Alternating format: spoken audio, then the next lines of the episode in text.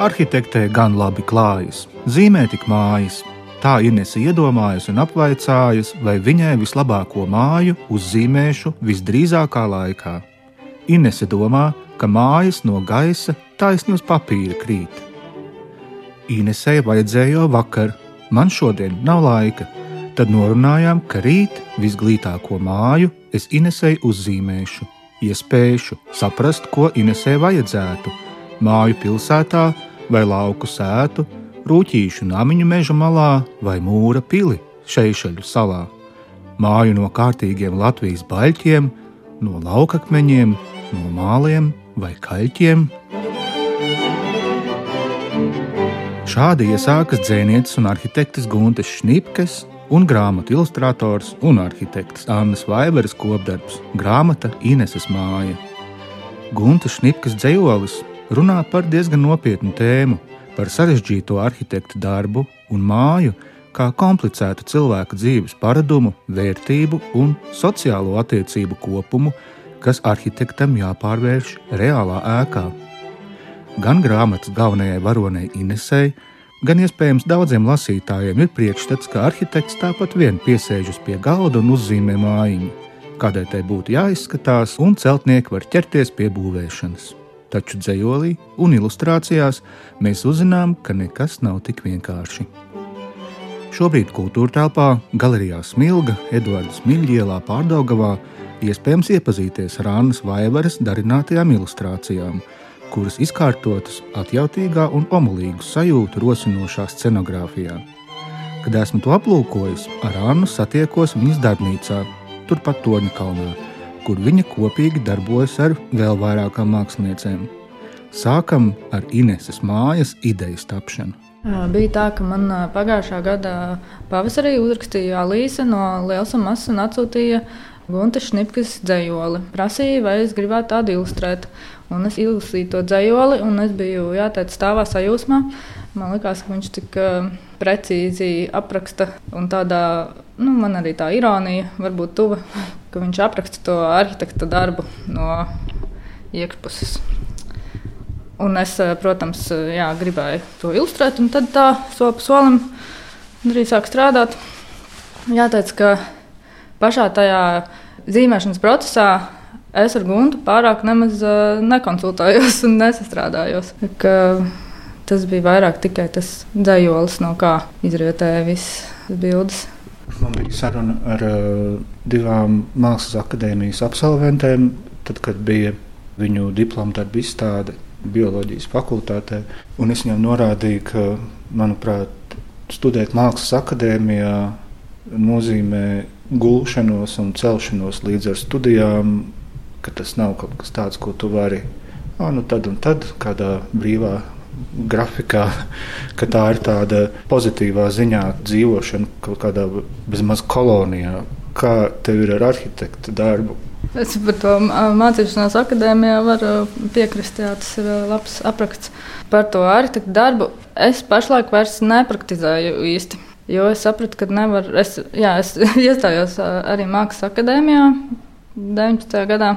Un es sapratu, ka nu, tieši tā kā tu saki par to gulšanos un celšanos, es biju iedomājies, ka es vienlaicīgi arī strādāšu arhitektu birojā un mācīšos akadēmijā un darīšu vēl kaut ko, bet tas nebija iespējams. Un tad uh, man nācās uh, izvērtēt savas prioritātes, un tas patiesībā bija ļoti labs pavērsiens. Man piespiedu kārtā bija jāsaprot, kas man ir. Uh, ko es vairāk gribu darīt.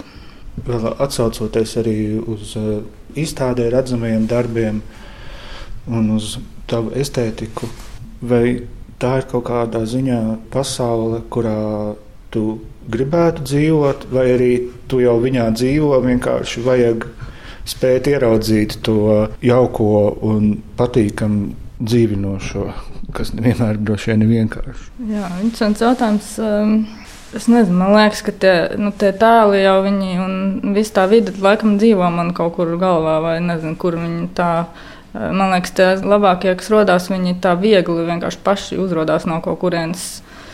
Es viņus tā īsti nevaru teikt, tur sēžu un izdomāju. Es nezinu, vai tā es dzīvoju tajā pasaulē, vai tā pasaule drīzāk manī dzīvo kaut kur.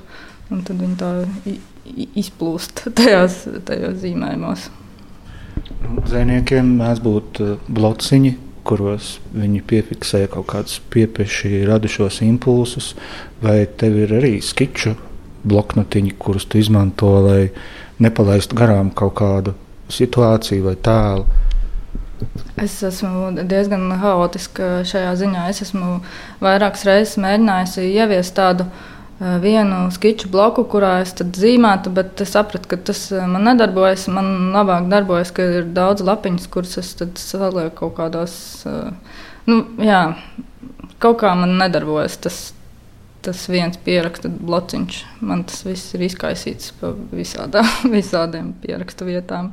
Skatoties uz eh, tavu darba galdu, kurš ir netipiski kārtīgs, no stereotipiskajām uztveres pozīcijām, kāds varētu būt mākslinieka darba galds, pastāstiet lūdzu par nu, šo tehnoloģiju dotajām iespējām. Es redzu planšeti, redzu uh, speciālo planšetes, zīmējumu pildspalvu.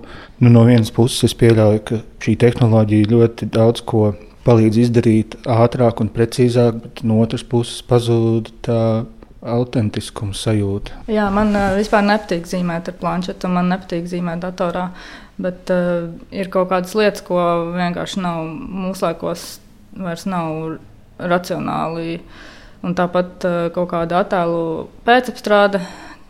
Tāpat viss notiek vienā brīdī caur datoru. Tāpēc man ir tā planšeta. Bet, uh, Tu esi tieši ieradies tādā brīdī, kad tas viss tāds kārtīgs. Ja es būtu tagad, man būtu kāds projekts, kur man būtu jākrāso, tad jau tas nebūtu tik kārtīgs. Un man tas patīk daudz labāk. Es vispār cenšos pēc iespējas mazāk datorā un planšetē zīmēt. To arī pierāda otiņu komplekts, kurš turpat blakus, un arī zīmuļi. Vai tu vari padalīties ar uh, to, kas tev šobrīd top, pie kā tu šobrīd strādā? Nevaru. À, nu tas ir. Okay. Labi, labi. Bet es pieļauju, ka jūsu sadarbība ar, ar Liels un Masu uh, droši vien arī ir. Nu, ja ne, tagad iezīmēta, tad uh, tu turpinātu šo. Jā, patiesībā es tagad arī, nu, ne tieši šobrīd, uh, šajā brīdī, bet uh, vispār man ir viens aktuāls projekts kopā ar Liels un Masu. Tā ir grāmata, tur būs Agnes, rakstnieces Agnes Vanagas teksts, un tie būs tādi tā kā komiksi, komiksa formātā bērniem tāds, tāda grāmata. Tur darbosies divi tēli, un tad būs viņiem visādas uh, savstarpējās attiecību risināšana un situācijas dažādas. Tas ir tagad aktuālais projekts, kurš būs kaut kad nākamgad droši vien pieļaujot, ka tu arī kādā brīvākā brīdī apciemo savus draugus, paziņas vai radiniekus, kuriem ir bērni. Vai tu redzi, ka ne tikai tavs darbs, bet arī tavu kolēģu darbi tie tiek lasīti, ka tās grāmatas ir tur, kur viņām ir jābūt, vai tas atkarīgs no tās konkrētās lasītāja ģimenes? Tas laikam diezgan atkarīgs no tās ģimenes, bet manā, man šķiet, manā draugu lokā ir pārstāvā tās ģimenes, kurām ir daudz grāmatas visādas un kam patīk lasīt. Bet, jā, man šķiet, tas ir lielā mērā no vecākiem atkarīgs. Vai viņi ir lieli lasītāji, un vai viņiem patīk grāmatas, un tad no tā arī atkarīgs, vai tad mājās ir, un vai bērni lasa. Man tā šķiet. Vai tu esi prātojies arī par tādu iespēju izmēģināt uh, savu roku arī animācijā, kas ir māsīca ilustrācija. Jā, es uh, to labprāt darītu. Es uh, jāatzīst, ļoti, ļoti nedaudz tikai māku kaut ko šajā jomā, bet jā, man tas noteikti interesē. Tas gan ir. Daudz, daudzreiz ietilpīgāk nekā ilustrācija. Es ceru, ka kādreiz, kādā brīdī nākotnē, es varēšu, vai būs kaut kāds projekts, kurus varētu uh, tam pievērsties vairāk. Jo pārsvarā ir tā, ka tas tā, kaut kā, man liekas, kaut kā iemācīšanās bieži vien nāk ar to, ka ir nepieciešamība, ir kaut kāds projekts, kurā man tas ir jādara, un tad tas ir jāiemācās. Tāpēc ceru, ka varbūt kaut kad arī tas pienāks. Zinu, ka Annas sportiskais vaļasprieks ir bolderings, proti viens no kliņšu kāpšanas veidiem, kas tiek veikts neizmantojot virves vai jostu. Pietiek arī laiks bolderingam, Nē, man diemžēl nepietiek laiks boulderinam šobrīd, bet man bija apņemšanās šajā rudenī to atsākt. Bet uh, es vēl nezinu, kā man veiksies.